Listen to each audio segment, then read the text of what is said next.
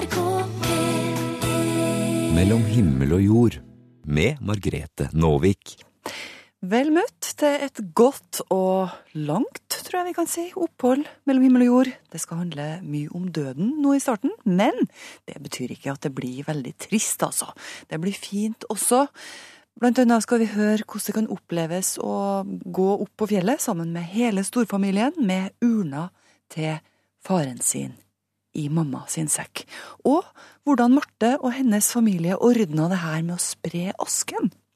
Jeg fikk eh, i alle fall klump i halsen av hennes fortelling. Og så er det Fugelli, da. Fugelli har selvfølgelig noe klokt på innerlomma om døden. Men først, nå skal vi høre at det er mye rart som foregår på fylkesmannens kontor. Det hadde du kanskje ikke trodd. Men altså, hvis du ønsker å få aska di spredd i naturen etter din død, så er det Fylkesmannen som er rett adresse for din søknad. Fylkesmannen i Vestfold, er Pernille. I Vestfold så sitter Pernille Gjertsen Moss og leser de her søknadene. Ja, det er jeg som behandler det for Fylkesmannen i Vestfold. Og antall søknader det øker fra år til år, og i fjor så hadde Pernille over 100 søknader på sitt bord. I hele Norge til sammen så var det nesten 1200 personer som søkte om askespredning i 2015. Og det er veldig mange flere enn året før, som var mange flere enn året før det igjen. Vi har tenkt å høre litt om hva som står i de her søknadene. Ja, er det Du, har du begynt nå? Ja, Står det f.eks.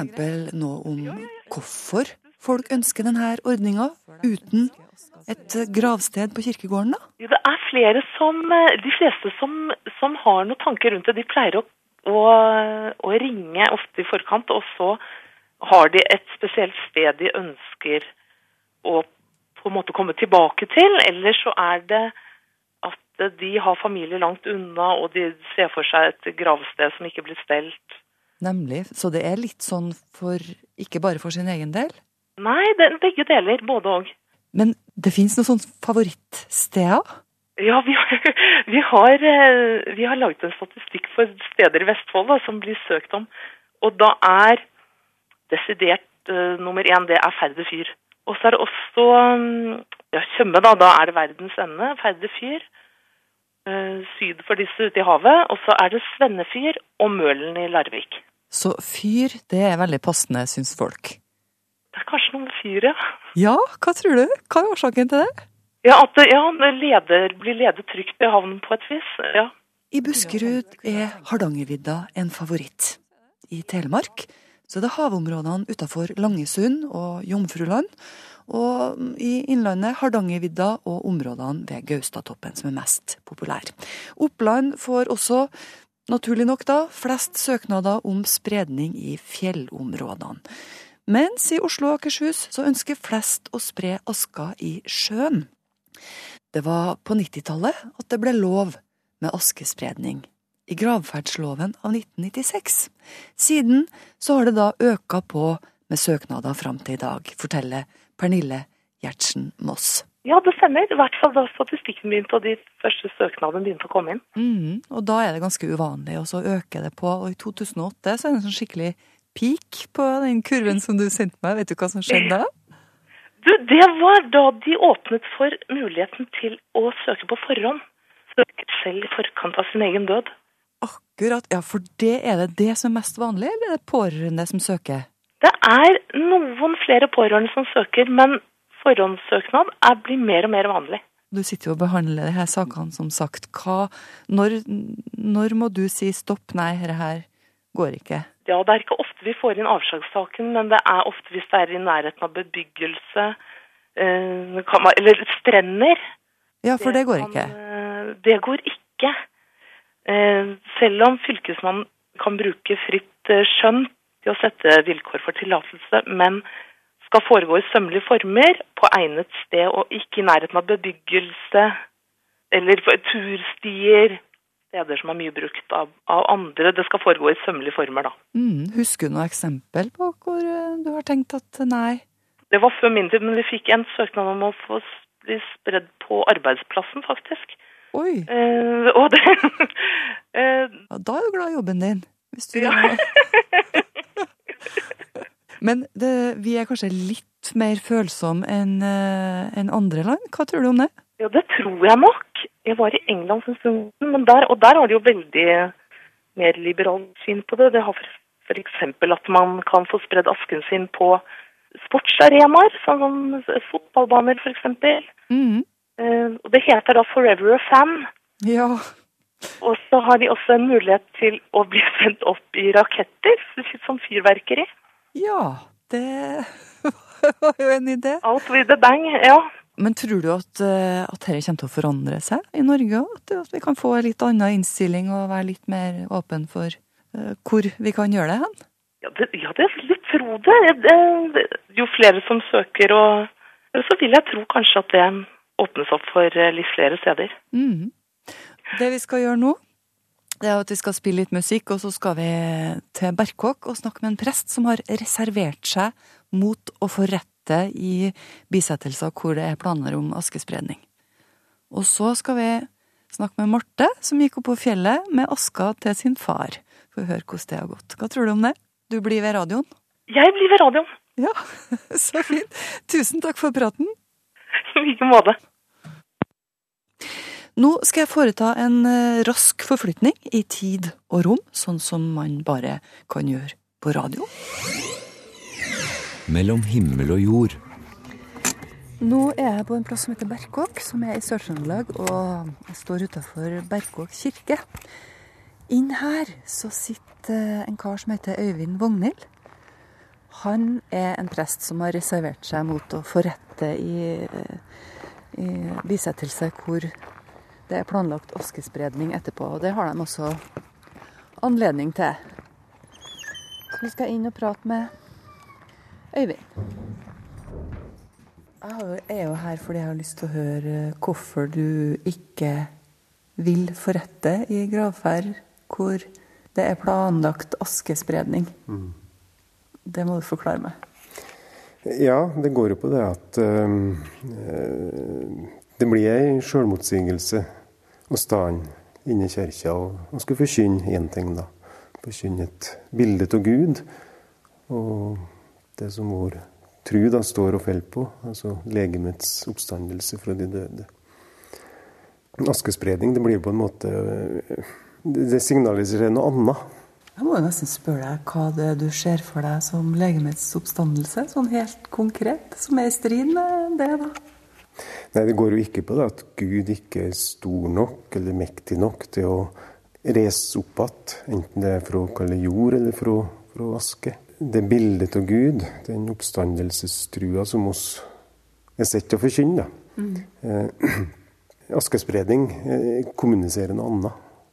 Ja, fortell om det, hva, det, hva du syns det kommuniserer. Jeg tenker at eh, altså, gudsbildet, det er jo Gud som skaperen. Så tenker vi at det er vesensforskjellig, altså en prinsipiell forskjell mellom Gud som skaper og det skapte. Med askespredning da, så, så griper en fatt i et eh, østlig, hinduistisk eh, gudsbilde.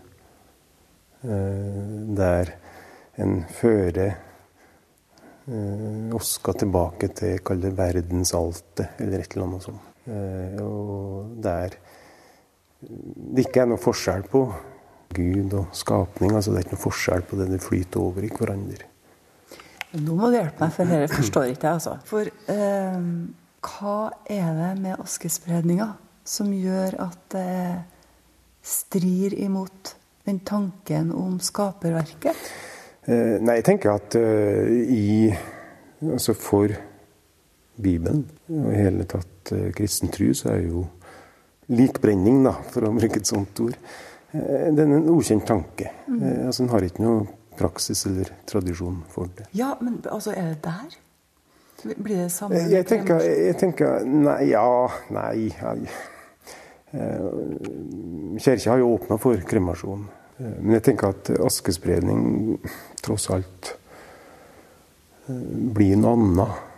Det, det har noe med at, at, at altså, Det som å si i eh, ritualet ute ved grava, altså av jord er du kommet, til jord skal du bli, av jorden skal du igjen oppstå.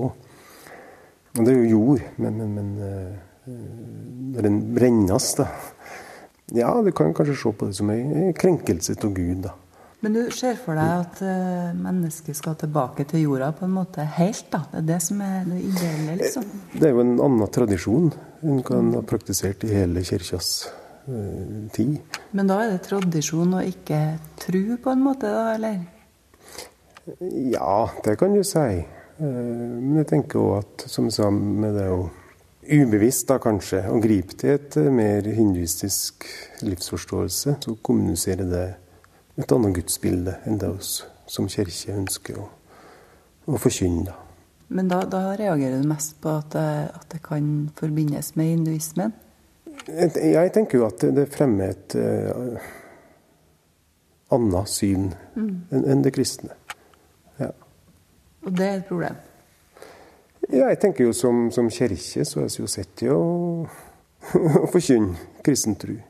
Men det skal sies at eh, det er ikke noe problem å få en annen prest da, til å forrette i en sånn bisettelse. bisettelse? Nei, det, altså jeg vil jo tro at det er de færreste prester som eh, reserverer seg. Men det ble nå en sånn sak i Oppdal, da. Og da ble det sånn. Hva koster det for deg å holde på det prinsippet? Altså I Oppdal, da, for å gripe fatt i den saka som var tidligere i vinter, så eh, De reaksjonene som eh, jeg har fått, de må være eh, positive, altså til støtte for mitt syn. da. Akkurat. Men, men klart at det er jo ulike syn. Og, men det kan være noen da, tenker du, som går bakom hushjørnene og snakker om at dette her er smålig, eller hva tenker du? Det kan hende, men altså Det går ikke an å forholde seg til. Hei, damer. Hei. Jeg kommer fra, Her er en liten radioopptaker. Jeg har akkurat vært inne og snakka med han Øyvind Vognhild, som er prest i Oppdal. Ja. Og det er sånn at Prestene har lov til å reservere seg mot å snakke i begravelser hvor det skal være askespredning. Kan jeg spørre dere hva dere syns om det? Nei. Er de utdanna prest, så, så mener jeg at de skal ikke si nei til det. Du syns det er greit med askespredning, du da? Ja, ja. det syns jeg. Kunne du tenkt deg å, å ønske deg det sjøl? Nei. Nei, nei. Det, det har jeg ikke kunnet gjort. Nei. Kunne, nei, det kunne jeg ikke tenkt meg. Det måtte ha vært etterkommerne mine som, som, som, har bestemt det. Ja. Ja. ja, ja. Når jeg dør, så vil jeg at dere skal vil jeg kremeres, og jeg vil at dere skal spre aska uh, i fjellet på hytta. Det var det her pappaen til Marte sa, fra hun var ganske ung, egentlig. Marte syntes det var temmelig makabert, men da pappa døde, for tidlig, for fort, så ble det om å gjøre å sørge for at han fikk det her ønsket oppfylt. Marte Heian Engdahl hun bodde i USA da faren hennes ble sjuk. Det sier seg sjøl at det ble ei kaotisk tid for Marte. Det gikk ganske fort, det her også, at far døde. Familien har eh, hytte i Tydalsfjella i Trøndelag, og far hadde vært tydelig på at han ville kremeres, og at han ville at de skulle ta med urna og spre aska i fjellene som de alle er så glad i. Ja, det, det er jo en, en, hyttetur som blir veldig annerledes da, fra starten av. Idet du setter deg i biler og kjører fra Trondheim til Tydalen, så vet du at det her er, det er en hyttetur med noe annet. Eh, for det første var vi alle mange. Vi er ofte mange søsken på hytta, men eh, nå var det liksom alle med full familie, eh, utenom én bror som bor i Canada, som ikke fikk til å komme. Uh, og vi kjører opp og spiser lunsj først på hytta. Uh, og jeg har tenkt mye på etterpå tenkt, altså Det er jo en litt trykka stemning da. Det er sånn den, mm. Hvis man snakker om dørstokkmila for å komme seg på tur, så akkurat den dagen så var den dørstokken temmelig høy for oss alle. Det, det er du har venta på det, for det er det punktumet på en måte som, som vi trengte, og som vi egentlig lengta litt etter. Fordi bisettelsen blir bare én del av det. Mm. Eh, vi hadde fortsatt ikke gjort det som han ville at vi skulle gjøre. Eh, men til slutt så må man jo bare pakke sammen og ta oppvasken og dra. Eh, så går vi i krattskogen i en halvtime, tre kvarter oppover. Hunder og små unger i bæremeiser og på passarygg og opp etter. Den er jo som en vanlig tur, på en måte. Og så kommer vi opp eh, akkurat over tregrensa. Og til en eh, stor stein som står der, og som på en måte er et sted som er veldig kjent for oss alle. Alle har gått der masse på tur eh, gjennom oppveksten. Eh, mamma og pappa har gått der masse. Og så kommer vi opp dit, setter fra oss sekker og tar en slurk vann. og Ungene klatrer litt på den steinen. og liksom, ja. Mamma tar urna ut av sekken sin, som har båret den opp. da. Vi vet ikke hva vi skal gjøre. Vi har aldri spredd aska til noen før. Eh, og vi har aldri tatt farvel med en som var så nær for oss alle. Eh, og da, når du står ved det punktet der du skal til å si farvel på ordentlig, så var vi nok ganske nølende. Eh, vi visste ikke helt hvordan vi skulle gå frem, og vi hadde snakka så vidt om det på forhånd, om noen av oss skulle ha lest et dikt eller eh, sagt noen ord, eller Og så slo vi ganske fort fra oss det, fordi det hadde kommet til å blitt i vår familie. Det hadde ikke falt naturlig for noen verken å si det eller å høre på det. og, men vi var jo kanskje Vi leita etter eh, en måte å få det høytidelig på, tror jeg. Og det som skjer da, når uh, mamma til slutt uh, tar den urna ned fra steinen og åpner lokket og sier skal jeg, skal jeg bare gjøre det, da, sier hun. Så, eller er det noen andre som vil? Og så står vi på en måte i en halvsirkel rundt henne, og så, så, hopper plutselig min sønn fram, som er fem år på det tidspunktet, og sier 'jeg vil, jeg vil'. Og så stikker han hånda si nedi urna. Eh, mamma holder den ned til den bøyer seg ned så han kan nå nedi. Og så tar han en neve ut, og så kaster han den utover eh, fjellheimen og sier 'Fly, morfar. Gå til det vannet der. Gå til den toppen.' Og så merker vi at i i det så skjer det liksom et eller annet. Det blir helt eh, spesiell stemning. Det blir nesten Det blir mer enn vi kunne håpa på. Han fortsetter å, å ta liksom, små never med aske og fryde seg over hvor stor fart han får til. og gi morfar på flyturen. Han kan slenge det i vei. Han leker at han er, liksom en, han er en liten ninja som bare med sånne skarpe bevegelser kaster aska ut. Og han går veldig liksom Han glemmer hva det er han gjør, samtidig som han husker det. Og så Med hans på en måte fryd over å gjøre det, og med, så kommer også de andre barnebarna til. Og han har da, tror jeg, ufarliggjort hele seansen. Så da de som var tenåringer og større, og kanskje enda, hadde enda større avstand til det hele, deltar òg. Og det var jo helt kaotisk på samme Altså, vi måtte jo virkelig bare omfavne De kasta jo aska, og vinden blåser jo noen gang i forskjellige retninger på fjellet. Mm. Og aska blåste i ansiktet på noen andre, og det var hosting og harking og eh, Dattera mi, som bare var ett år, hun jo, hadde ei veldig lita hånd da, som forsvant helt nedi den urna, og som var dekt av aske. Eh, den lille fleecejakka var helt svart å vaske. Og du kan selvfølgelig tenke at, eh, at det var noe mindre med det, eller at det ble mindre høytidelig. Men for oss så var det helt perfekt. Pappa var en fyr som elska sånne kaotiske situasjoner, og hadde så til de grader sett humoren i den situasjonen, i den scenen som utspilte seg. Eh, han var ikke spesielt begeistra for autoriteter, verken eh, kirkelige eller andre.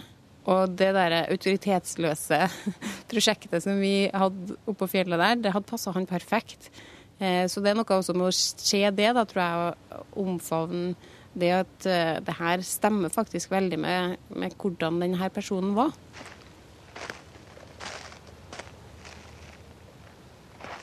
Det er for meg at jeg kan gå i fjellet og huske på pappa og tenke på pappa og kanskje ha liksom min indre dialog med han om ting som skjer i mitt liv, er jo på et tidspunkt da er jeg mye mer mottagelig for det. Da er jeg helt åpen. Da bare går du, og du vandrer, og du er eh, der. Og han er overalt. Han er For meg, det trenger ikke være Tydalsfjellene heller. Han er jo i fjellet. Eh, og fjellet henger sammen med mer fjell, og mer fjell etter det. Så plutselig har det gitt mer mening da, til det å gå på tur. Eh, har, vi har et ekstra dimensjon som ingen kan ta fra oss, og som er en gave. Ja, det sier Marte Heian Engdahl. Og hvis du har lyst til å se bilder av Marte, så kan du gå inn på Facebook-sida vår, NRK Livet. Der ligger det også bilder av flere som har vært med i programmet her.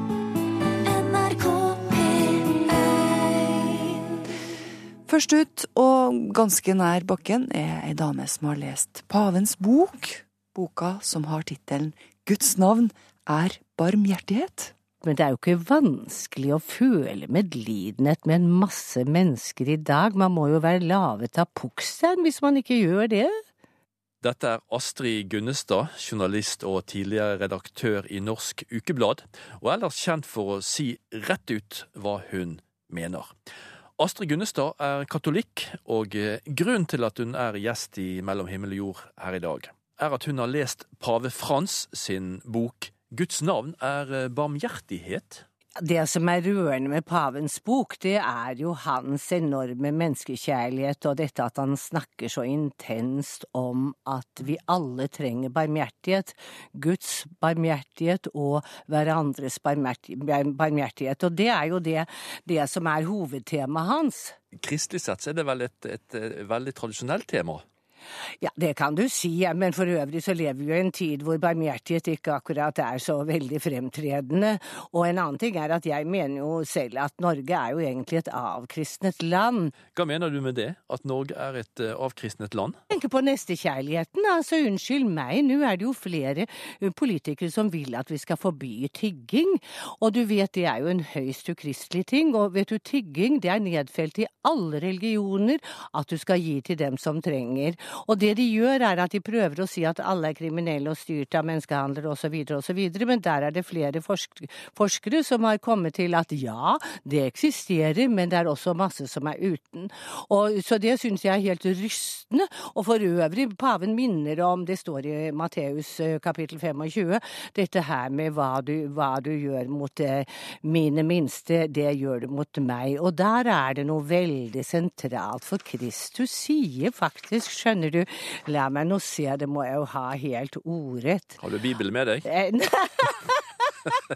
Nei, men jeg har notert meg det, vet du. Dette her med jeg var sulten, dere ga meg ikke å spise, så videre. Men så sier han også jeg var en fremmed, og dere tok ikke imot meg. Og der, det går jo rett inn i flyktningsituasjonen, og der har du altså politikere som faktisk Altså, vi sperrer folk inne, uskyldige mennesker som rømmer fra krig og elendighet, og så setter dem bak, bak et gjerde. Du vet, det er altså så hårreisende.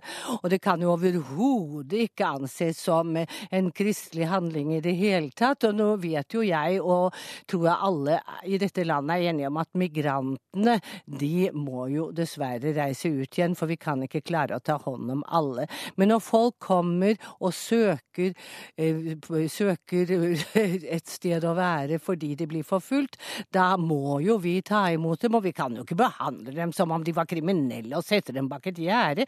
Jeg har ikke hørt hørt på maken, jeg, politikere som mener det kan umulig ha lest Bibelen, altså. Fy av meg! Hva tror du hadde vært pavens budskap akkurat i dag, hvis han skulle sagt noe om flyktningutfordringene vi har i Norge? Ja altså, nu, ja, altså, Han har jo ikke snakket spesielt om Norge, men han har jo snakket ja, Men Hvis han hadde sagt noe, da?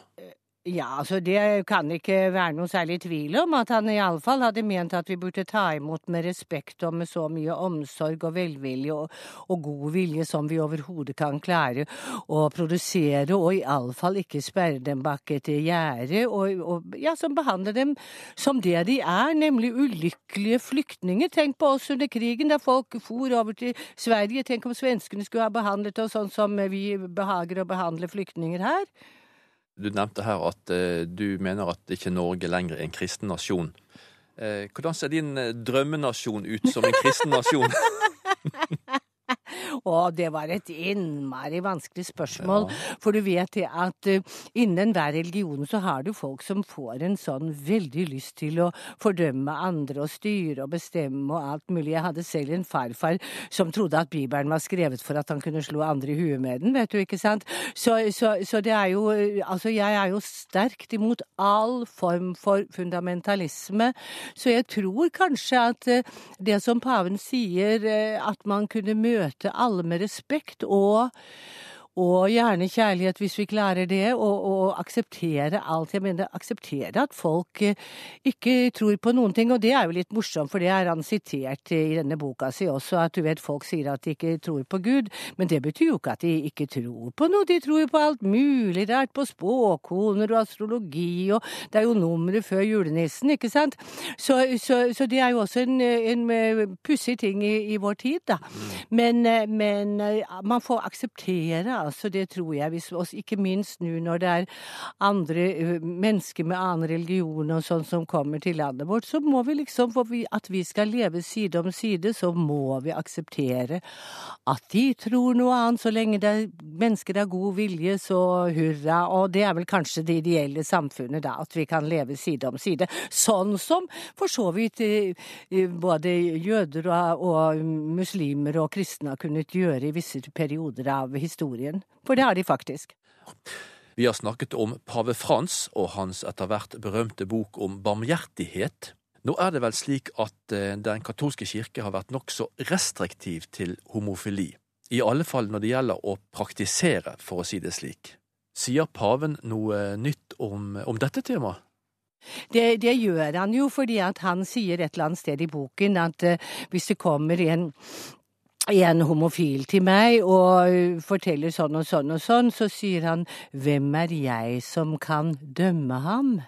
Altså, det er jo det at paven mener jo egentlig at vi har ikke lov å dømme.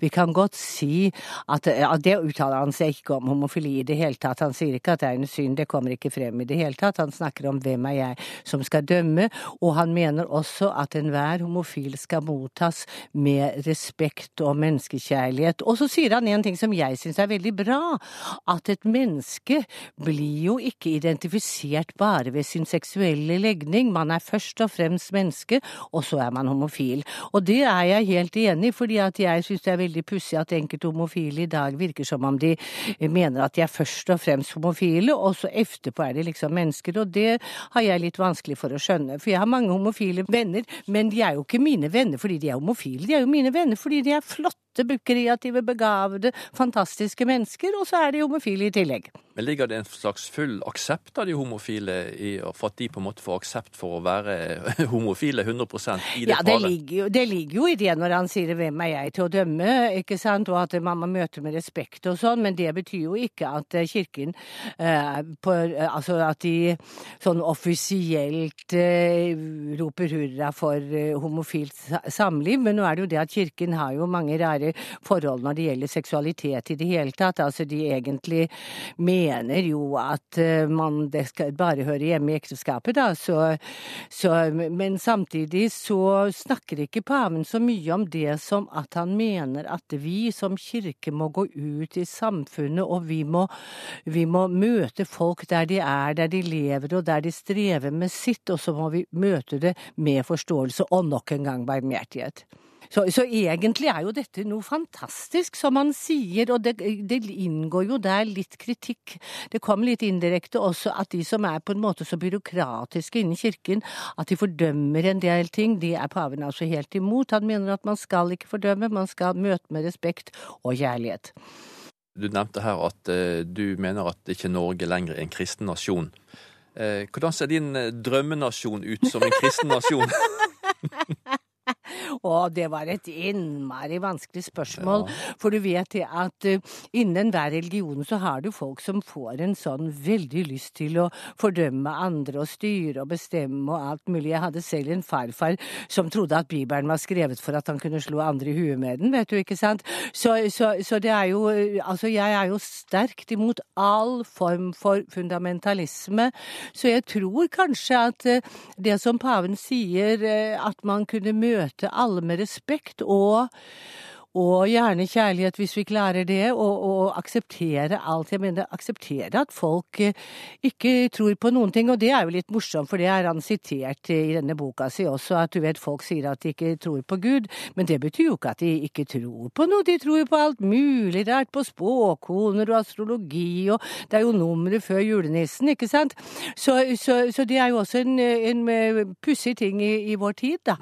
Men, eh, men man får akseptere altså det tror jeg. Hvis, ikke minst nå når det er andre mennesker med annen religion og sånn som kommer til landet vårt, så må vi liksom, for at vi skal leve side om side, så må vi akseptere at de tror noe annet. Så lenge det er mennesker av god vilje, så hurra. Og det er vel kanskje det ideelle samfunnet, da, at vi kan leve side om side. Sånn som for så vidt både jøder og, og muslimer og kristne har kunnet gjøre i visse perioder av historien. For det har de faktisk. Du Astrid, helt til slutt. Du er jo, du er jo katolikk. Opplever du at Den katolske kirke har møtt deg med barmhjertighet? At det er plass til hele livet ditt, eh, ditt eh, der?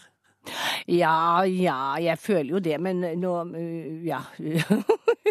det er ikke sikkert at alle gjør det, naturligvis. Jeg pleier jo å si at, at jeg er Nord-Europas verste katolikk, men, men, uansett så må jeg akseptere at ikke alle aksepterer sånn som jeg er. Men jeg prøver ikke å hykle, iallfall, så jeg er meg sjøl og sier slemme ting. Og, men jeg sparker helst oppover, da, riktignok. Medlidenheten din den på en måte går nedover mot de som, eh, de som på en måte sliter eller har det litt eh, trasig? Ja, ja, ja. Og det er Der, sier paven forresten noe ganske morsomt, hadde jeg nær sagt. Fordi han sier, det, altså, han sier liksom det er nåde. Det å føle skam, det er en nåde. Uh, fordi man skal av og til skamme seg over det man selv har gjort. Og, og det er vel en nåde også kanskje å å føle medlidenhet, men det er jo ikke vanskelig å føle medlidenhet med en masse mennesker i dag. Man må jo være lavet av pukkstein hvis man ikke gjør det. Det er det Astrid Gunnestad som sier. Hun er journalist, tidligere redaktør og katolikk. Ove Gundersen snakka med hun, og anledningen var altså at pave Frans nylig kom ut med boka Guds navn er barmhjertighet. NRK P1 Prosjektet Middag på tvers har blitt en viktig møteplass både for folk som har flytta til, og folk som har bodd fast i Østre Toten lenge. Hoff menighet serverer mat, prat og underholdning en onsdag i måneden. Og denne uka her så kom jammen i overkant av 100 personer. It's Metasebia Todesse fra Etiopia henter seg mat med veslejenta på armen. Her kan vi møtes og snakke sammen med andre, og nå igjennom til det norske miljøet, sier hun. Er det bra? Ja, det er bra. Ja, tusen takk. I dag er det syrisk mat på menyen i bygdestua på Hofsvangen. Det er ris eh, med mandler, stekte mandler, rosiner og erter. Og så er det karbonadedeig av oksekjøtt. Med tomatpuré og potetskiver og kylling. En onsdag i måneden inviterer Hoff menighet til mat, prat og litt underholdning. Anne Hilde Kristiansen er fast frivillig. Det gir meg mye glede, og jeg ser glade ansikter, både norske og nye landsmenn, og da er det verdt det. For det er ikke lett å komme i kontakt med nordmenn ellers, sier Meta Sebia. You have to be bold. Du må være modig, for nordmenn er reserverte, sier hun.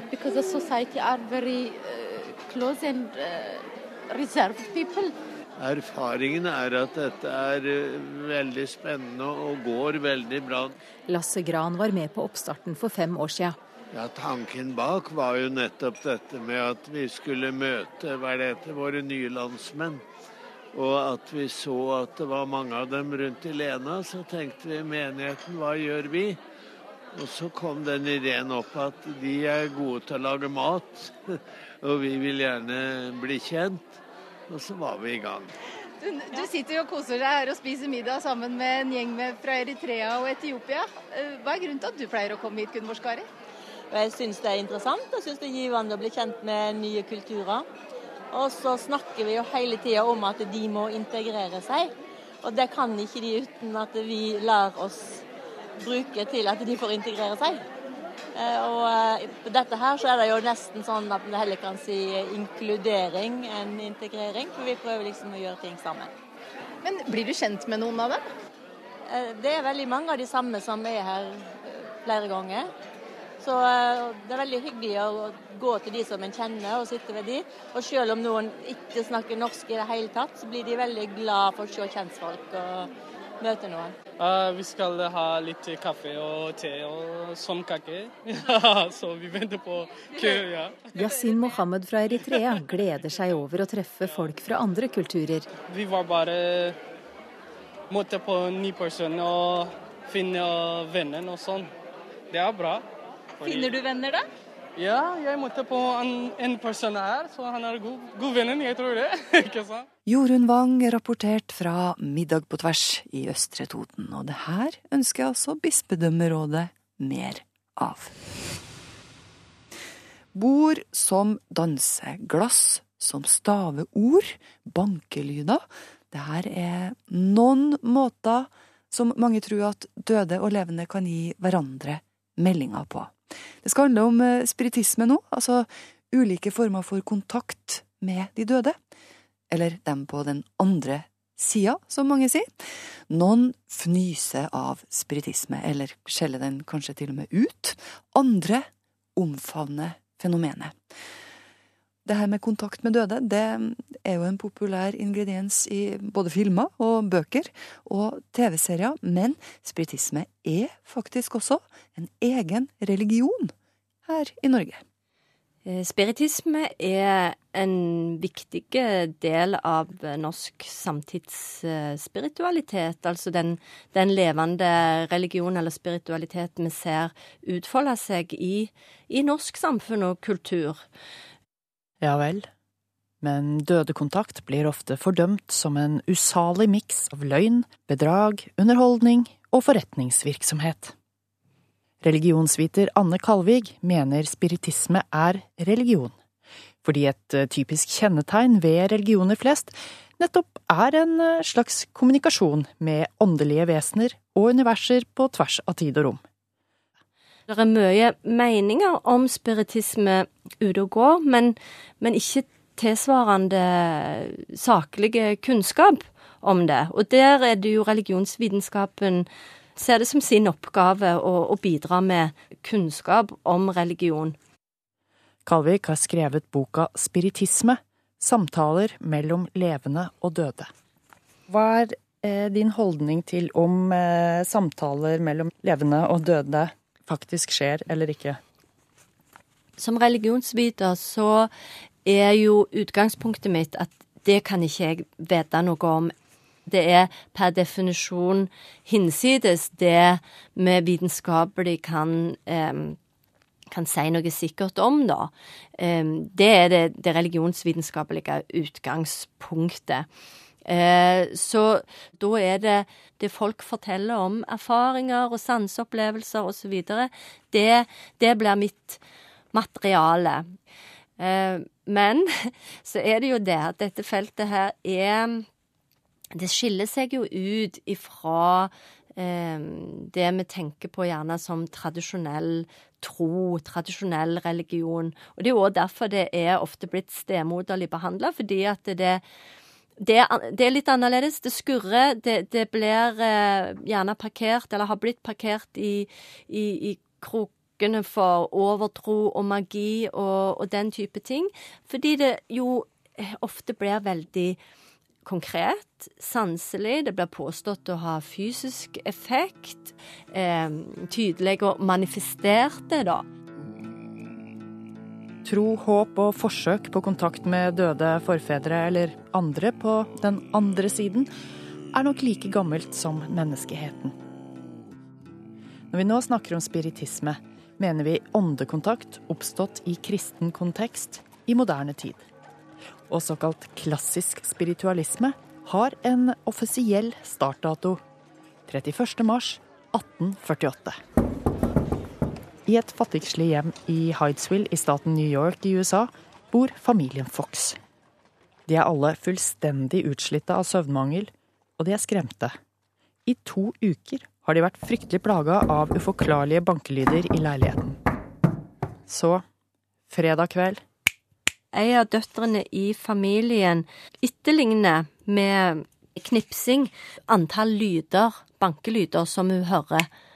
Og så hører en da at eh, lydene etterligner hennes knipsing igjen. Og så eh, sier den andre søstera gjør akkurat sånn som jeg, tell til ti. Og så klapper vi hendene. Og så opplever de at lydene gjør akkurat det samme, da. Og sånn fortsetter det. Altså eh, hvis sånn og sånn, ja eller nei, eh, bank én gang, osv. Bankinga sier at den er ånden til en dørselger som ble myrda i huset for fem år siden, og at han ble gjemt i kjelleren. Det ble allmenn oppstandelse, og uh, det var flere hundre mennesker som kom og gikk i dette lille huset. Det ble jo en stor offentlig sak ut av det her. Og, og herredsretten bestemte at en, en rettsmedarbeider skulle innhente uh, vitneutsagn. Det ble også utlovet belønning til den som kunne avsløre dette som bløff og bedrageri, men ingen meldte inn noe.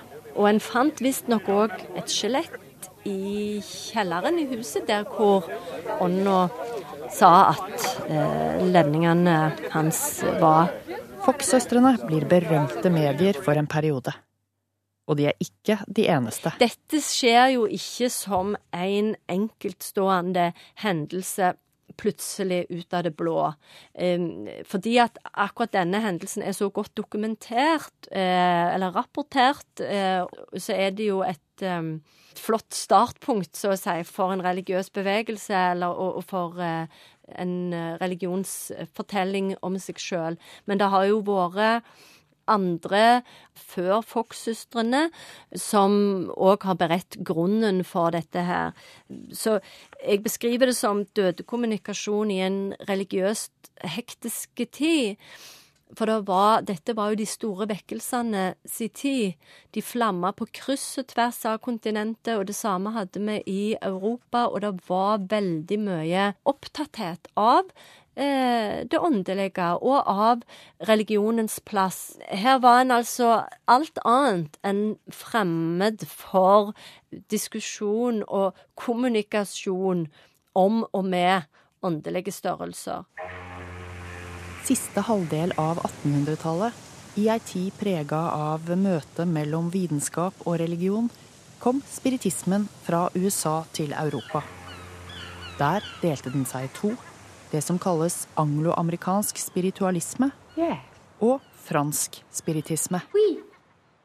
I England som i USA kom spiritualismen i mange former. Det var medier i små private sirkler. Andre hadde svære forestillinger. Det var en blanding av underholdning, show, selskapslek, tidsfordriv, sorgarbeid og religiøse budskap. Og slik skildrer mange det i dag òg. Internasjonalt så har spiritualismen vært eh, mangfoldige i sitt forhold til, til, kristendom og til både det å omfavne kristendom og det å avvise kristendom eller kirkelige doktriner, da. Oui. Den franske varianten utvikla seg i en mer enhetlig retning, forteller religionsviter Anne Kalvik. Det dreier seg annet om reinkarnasjon som, som en udiskutabel eh, sannhet, eh, og Jesus som den, den største av ånder, altså en nærmere tilkobling til kristendom, da. Og de har en streng metode for å stille spørsmål til åndene, utvikla av pedagogen Alan Kardec. Spørsmålet stiller seg slik. kan de dødes sjeler meddele seg til de levende.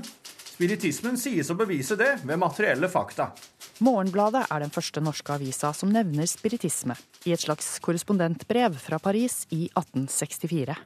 Men det er fra 1880-tallet spiritismen skyter fart i de nordiske landene. Når det kom til Norge, så fatta jo eh, ledende intellektuelle og, og vitenskapsmenn og engasjerte kvinner seg eh, i dette. Så det var jo en urban eh, elite på mange måter som drev med spiritisme i, i Norge. Og det var de, de breie lag av befolkningen òg. Eh, Norsk spiritisme er en slags blanding av fransk og engelsk, men skillelinjene er ikke alltid like klare. Den største gruppa av organiserte i Norge, de vil foretrekke betegnelsen spiritualister, da i tråd med engelsk språkbruk. Eh, og her i Norge så er nok eh, det med reinkarnasjon eh, ganske mm, Det er en doktrine eller en idé som veldig mange spiritualister òg forholder seg til. Etter første verdenskrig fikk spiritismen et nytt oppsving av de høye dødstallene. Fram mot andre verdenskrig og i etterkrigstida oppfatter Kalvik spiritismen som mer privat og fragmentert. I 2007 ble Norsk spiritualistforening stifta. Den har rundt 1100 medlemmer, og er en paraplyorganisasjon med to forbund for healing og mediumskap under seg, og ett trossamfunn. Paraplyen er en ren interesseorganisasjon for alle som er interessert i det åndelige og spirituelle. Og alle medlemmer kan tro hva de vil. Men skal du være med i Norsk spiritualistisk trossamfunn, der under paraplyen, kan du ikke være med i Den norske kirke eller noe annet trossamfunn. Spiritualistisk trossamfunn tilbyr seremonier som navnedag, konfirmasjon og gravferd, og har full vigselsrett. Da lover man hverandre kjærlighet så lenge den varer, siden de ikke ser på døden som noen ende. Men vi har i tillegg til dette organiserte, så har vi jo det store omlandet av spiritistiske mediumistiske tilbydere som, eh, som, opererer med et bredt spekter av eh, produkt, tjenester, kurs. Klarsynte, healere, dyretolker, teletjenester, seanser på Facebook. Det er et uoversiktlig landskap der ord og begreper brukes på ulike måter.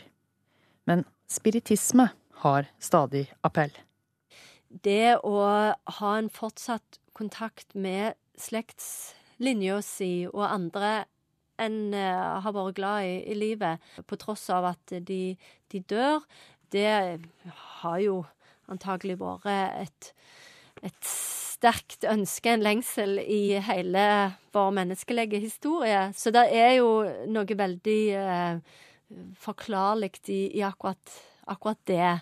Eh, og så er det jo eh, det er jo noe veldig demokratisk, om en kan si det sånn, med spiritisme og mediumskap òg, fordi en tenker seg jo at dette er noe som alle kan øve seg opp i.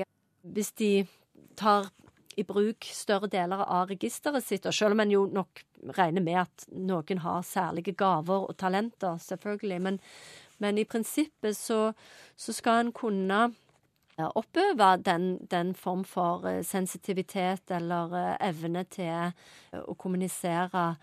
Og det er lite av regler og dogmer og ja, påbud og forbud og, og, den slags ting. Så dermed så passer det jo òg veldig godt med vår tids eh, fokus på individet og hva kjennes rett for meg, hva er sant for meg.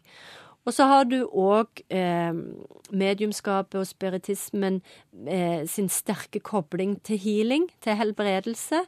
Dette at kroppen blir tatt med, at her er det fokus på erfaring, på sansing, mer enn gjerne å forstå vanskelig tilgjengelige teologiske prinsipp, da de òg er med på å, å gi dette en, en bred appell. Anne Kalvig er religionsviter ved Universitetet i Stavanger, og hun har skrevet boka 'Spiritisme samtaler mellom levende og døde. Reporter var Ragnhild Sleire Øyen, og vi skal høre mer om dette temaet neste søndag. Da vil vi gjerne høre om eh, hva slags beskjeder folk sier at de får fra den andre siden. Margrethe Nåvik heter jeg. Du kommer i kontakt med oss ved å sende en e-post, for eksempel. Himmel og jord, krøllalfa, nrk.no. Eller du kan sjekke inn på Facebook-sida vår, NRK Livet. Der eh, ligger det bilder av noen av våre gjester, og du kan ta kontakt med oss også. Det var det. Ha en riktig god dag med NRK Radio, for eksempel. Hør flere podkaster på nrk.no podkast.